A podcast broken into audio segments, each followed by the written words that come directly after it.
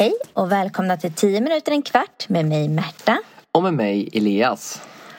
Det här är en podcast på 10-15 minuter som tar upp ett nytt ämne per avsnitt. Och vad ska vi prata om idag Elias? Jo, idag så har vi återigen en önskepodd som har skickats in. Och den här gången har vi fått en önskan om att vi kort ska gå igenom första världskriget.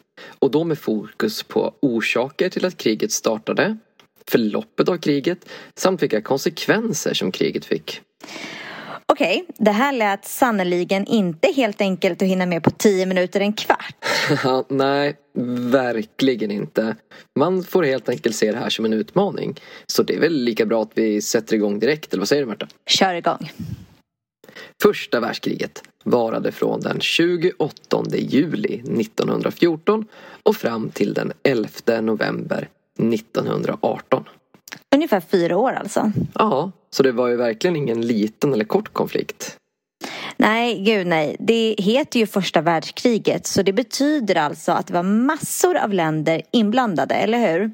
Ja, precis. Och att man i princip slogs över hela världen. Men innan vi kommer in för mycket på vilka som var med och slogs så tycker jag att vi ska stanna upp lite och kolla på hur världen såg ut åren innan kriget blossade upp. Låter smart. Och nu kommer det bli fokus på Europa ett tag. Och om vi ser på Europakartan så ser den inte alls ut som den gör idag. Menar du nu att det inte var samma länder, eller? Nej men precis. Det är faktiskt lite andra länder än vad vi ser idag. Finland tillhör till exempel Ryssland. Och Polen och de baltiska länderna de är delade mellan Tyskland och Ryssland. Likaså tillhör Ukraina och Belarus Ryssland. Och en del av Ukraina tillhör även det gigantiska Österrike-Ungern. Okej, vänta. Österrike-Ungern, var det för land liksom? Var det ett land? Ja, men alltså vi kommer till det. Men först har vi det sista med Ryssland och Tyskland. Tyskland är mycket mycket större än det Tyskland som vi känner igen idag. Det sträcker sig mycket, mycket längre österut än det gör idag. Och man har typ hela Östersjökusten. Från där, alltså från där Nederländerna börjar fram till Lettland. Där är det i princip Tyskland. Och så har man faktiskt en stor del av Polen söderut. Okej, så Tyskland, va? det var stort alltså? Ja men verkligen. Och då kommer vi då till det här gigantiska Österrike-Ungern. Som är ett jätte, jättestort rike eller imperium eller land. Och det omfattar dagens Österrike, Ungern, Tjeckien, Slovakien, delar av Polen och Ukraina, delar av Rumänien, Kroatien, delar av dagens Italien, Slovenien, Bosnien-Hercegovina. Ja, nu har jag säkert missat eh, flera delar av det här jättelandet. Men man kan kort och gott säga att det var en bjässe till land som låg mitt i Europa. Känns lite invecklat. Ja, det kan man lugnt påstå. Och till råga på allt så har vi också det ottomanska imperiet som sen blev dagens Turkiet och som det också är ett jätteland. Och det innefattar hela dagens Turkiet och sen väldigt stora delar av Mellanöstern. Wow, vilka stora länder det fanns. Ja, och då får vi inte glömma bort Storbritannien som på den tiden också inbegrep Irland. Och så har vi Frankrike, Italien, Spanien, Portugal, Nederländerna och Belgien. Och de ligger precis där de ligger idag. Men de hade också massvis av kolonier utomlands. Och då undrar jag, vad är en koloni? Ja, det är en bra fråga. En koloni är en bit land som ligger långt, långt bort och som man har gjort till sitt eget. Man har tagit det helt enkelt. Till exempel så var Indien en brittisk koloni. Algeriet var en fransk koloni och Kongo var en belgisk koloni. Oj, oj, oj. Det var en invecklad karta. Men nu är vi väl ändå klara med den biten. Ja, men vi får inte glömma bort Sverige, Norge och Danmark som ligger på precis samma plats som de ligger idag. Och de har i princip samma gränser som idag. Kanske då förutom att man ska komma ihåg att Island var ju union med Danmark. Ja, Okej, okay. men nu är vi klara va? Ja, nu är vi klara med kartan. Men om man vill vara på den säkra sidan så tycker jag faktiskt att man söker upp en karta på Europa 1914. Det kan vara lite bra att ha som stöd till det här avsnittet. Men då kanske vi ska dra igång och prata lite om orsakerna nu till kriget. Ja, Tyskland. De hade liksom kommit upp sig lite under början av 1900-talet. Man hade utvecklats till ett stor industrination. Och nu var man också Europas folkrikaste land. Alltså det land i Europa där det bodde flest människor. Många av de andra av Europas länder de började kolla lite avundsjukt på Tyskland. De tänkte oj, vad är det som håller på att hända här? Tyskland håller på att utvecklas till ett jätte, jätte, jättemäktigt land. Men Tyskland, de kollade lite avundsjukt på många av de andra länderna som hade många kolonier. Okej, men varför gjorde de det? Jo, för Tyskland hade inte så många egna kolonier. Och om man hade kolonier, då kunde man liksom utnyttja de här på ett väldigt hemskt vis. Man kunde liksom, ja för att tala klarspråk, suga ut eller roffa åt sig alla liksom naturresurser som fanns i kolonin. Och sen kunde man så här skeppa hem det till moderlandet. Och då fick man ju massa, kanske inte gratis, men ändå liksom snorbilliga råvaror till sin egen industri. Som man sen kunde använda för att tillverka dyrare varor som man kunde sälja eller liksom använda själv. Det låter inte helt schysst. Nej, det här med kolonier, det var riktigt vidrigt till och med. Och sen så fanns det trots allt också, tyvärr får man säga, en viss prestige i att ha många kolonier. Och det stördes i Tyskland lite på att de ville liksom ha fler. Storbritannien och Frankrike däremot, de hade massor av kolonier. Och de var jätteoroliga att Tyskland skulle bli alltför starkt. Och därför ville man till varje pris förhindra dem från att bli Europas ledande nation. Och fransmännen och tyskarna, de hade dessutom utkämpat ett ganska blodigt krig mellan åren 1870 till 71. Och där hade tyskarna vunnit. Så fransmännen, de var väldigt upprörda och revanschsugna. Så det fanns alltså en himla massa underliggande konflikter och spänningar när vi närmar oss krigsutbrottet. Men det måste väl ändå ha legat något mer bakom? Det finns ju massor av fler länder vi liksom talar om när vi, går igenom, när vi gick igenom kartan. Ja men precis. Och visst fanns det mer som låg och pyrde under ytan, här. Nationalismen till exempel hade tagit ett järngrepp kring Europas länder.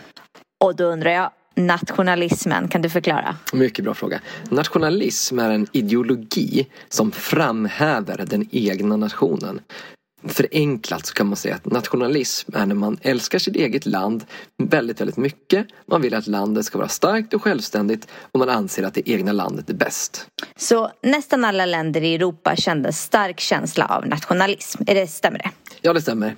Absolut. Och det kunde ta sig liksom uttryck i att Ryssland till exempel ville förena alla slaviska folkgrupper i ett enda stort land. Och därför skapade man gärna allianser med andra slaviska folkslag, sådana som man ansåg sig höra ihop med, som till exempel Serbien. Det är lite komplext det här, men nationalismen och konkurrens, alltså att maktbalansen förändras från den tidigare dominanta Storbritannien och Frankrike mot Tyskland är alltså två viktiga orsaker. Ja, det är helt korrekt. Och på grund av allt det som du nu räknar upp var många av de här länderna ganska oroliga och rädda att något annat land skulle anfalla dem eller ge sig på dem. Så därför börjar man istället att bilda pakter och allianser för att kunna få kompisar som skulle kunna komma och hjälpa en om det blev bråk. Helt enkelt olika länder som lovar att hjälpa varandra om det blev krig. Okej. Okay. Eh, var det några specifika länder som gick ihop för att eh, i liksom olika större allianser? Ja, men det var det. Vi kan egentligen tala om två stycken olika block. Vi har centralmakterna med Tyskland och Österrike-Ungern. Och från början var Italien med här också. Och då kallades den här alliansen för trippelalliansen. Men sen drog sig Italien ur. Eh, och till den här centralmakterna kommer också det ottomanska riket, eller ottomanska imperiet, att sen sluta sig. Och sen har vi det andra blocket då, som kallas för ententen, eller trippel trippelententen. Och det bestod av Storbritannien, Frankrike och Ryssland. Men då har vi alltså en blandning av rubbad maktbalans. Nationalismen och all allians med paktbyggande som ligger och gror i Europa. Det låter nästan som en bomb eller en krut durk som bara ligger och väntar på att någon ska tända till. Ja precis och så kan man faktiskt säga att det var. Man brukar till och med säga att första världskriget sen när det väl drog igång startade av en principsak. Ja, jaså vadå? Ja, det var så att den österrikiske ärte, ärkehertigen och tronföljaren, alltså man kan säga liksom den prinsen som skulle bli kung, och han hette Frans Ferdinand. Han och hans fru, de blev mördade när de var på besök i Sarajevo i Bosnien. Och det var en serbisk nationalist vid namn Gavrilo Princip som sköt dem när de åkte förbi honom. Och just de här skotten i Sarajevo, det brukar man faktiskt kalla för gnistan som tände en världsbrand. Ja, för nu sätter det väl igång va? Det, riktigt, det första världskriget. Ja, exakt. Österrike och Ungern är såklart väldigt upprörda att deras tronföljare Frans Ferdinand och hans fru har blivit mördade. Och man vill utreda vad som hände och man ser att alla spår leder till Serbien. Man hotar då Serbien med våld, vilket får Ryssland, som vi tidigare sa, som allierat med Serbien, att mobilisera sin armé. Att mobilisera betyder att man kallar in alla som ska ingå i armén. Det blir en jättestor armé och det får Tyskland att känna sig jättehotad och rädda. Tyskland är ju dessutom allierade med Österrike och Ungern så de väljer så på grund av det här att mobilisera sin armé. Tyskland väljer sen snabbt att förklara Ryssland krig och det gör ju att Frankrike och Storbritannien dras in i det kommande kriget för de är ju allierade med Ryssland. Oj, oj, oj, detta spår ut totalt. Visst är det det här som kallas för den svarta veckan? Ja, exakt. Och när allt det här skedde så trodde man faktiskt att kriget skulle bli ganska kort. Men där tog de fel. Ja, tyvärr. Och nu närmar vi oss nästa del, själva kriget då. Och den här delen kommer vi försöka hålla ganska kort. Vi ska inte gå in på några större slag eller drabbningar och sånt. Låter bra. Då är det alltså krig. Och tyskarna kollar på kartan och de inser genast att de är omringade på alla håll. Man har ryssarna på den ena sidan och så har man fransmännen, fransmännen och britterna på den andra sidan. Inte optimalt. Nej, absolut inte. Så tyskarna beslutar sig genast för att snabbt slå ut Frankrike och man inleder ett stort anfall in i Frankrike och man går genom Belgien. Men Belgien var väl neutralt? Ja, exakt. De hade inte bildat pakter och sånt med någon. Men det struntade tyskarna i. Och i samband med att tyskarna inleder det här anfallet in i Frankrike då, då kommer Storbritannien att förklara Tyskland krig. För man är ju allierad med Frankrike. Stökigt. Verkligen. Så tyskarna anfaller rakt in genom Belgien och vidare in i Frankrike. Och de stormar på snabbt. Men fransmännen lyckas till slut att stoppa eller hejda den tyska framfarten och precis norr om Paris vid floden Marne. Och här kör sedan kriget fast i ett extremt blodigt skyttegravskrig. Och det här det har man ju sett massa, massa bilder på genom åren, eller hur? Ja, och det här kallas för västfronten. Och det här kan man nästan likna vid en enorm slaktbod. Eh, generalerna, alltså de militärer som leder kriget, de var fast i gamla tankar om hur man förde krig. Samtidigt som tekniken hade utvecklats något enormt. Och det här gjorde att förlusterna kunde räknas i miljoner soldater. Bara vid några få slag på västfronten var det miljontals tyska, franska och brittiska soldater som förlorade livet. Så hemskt.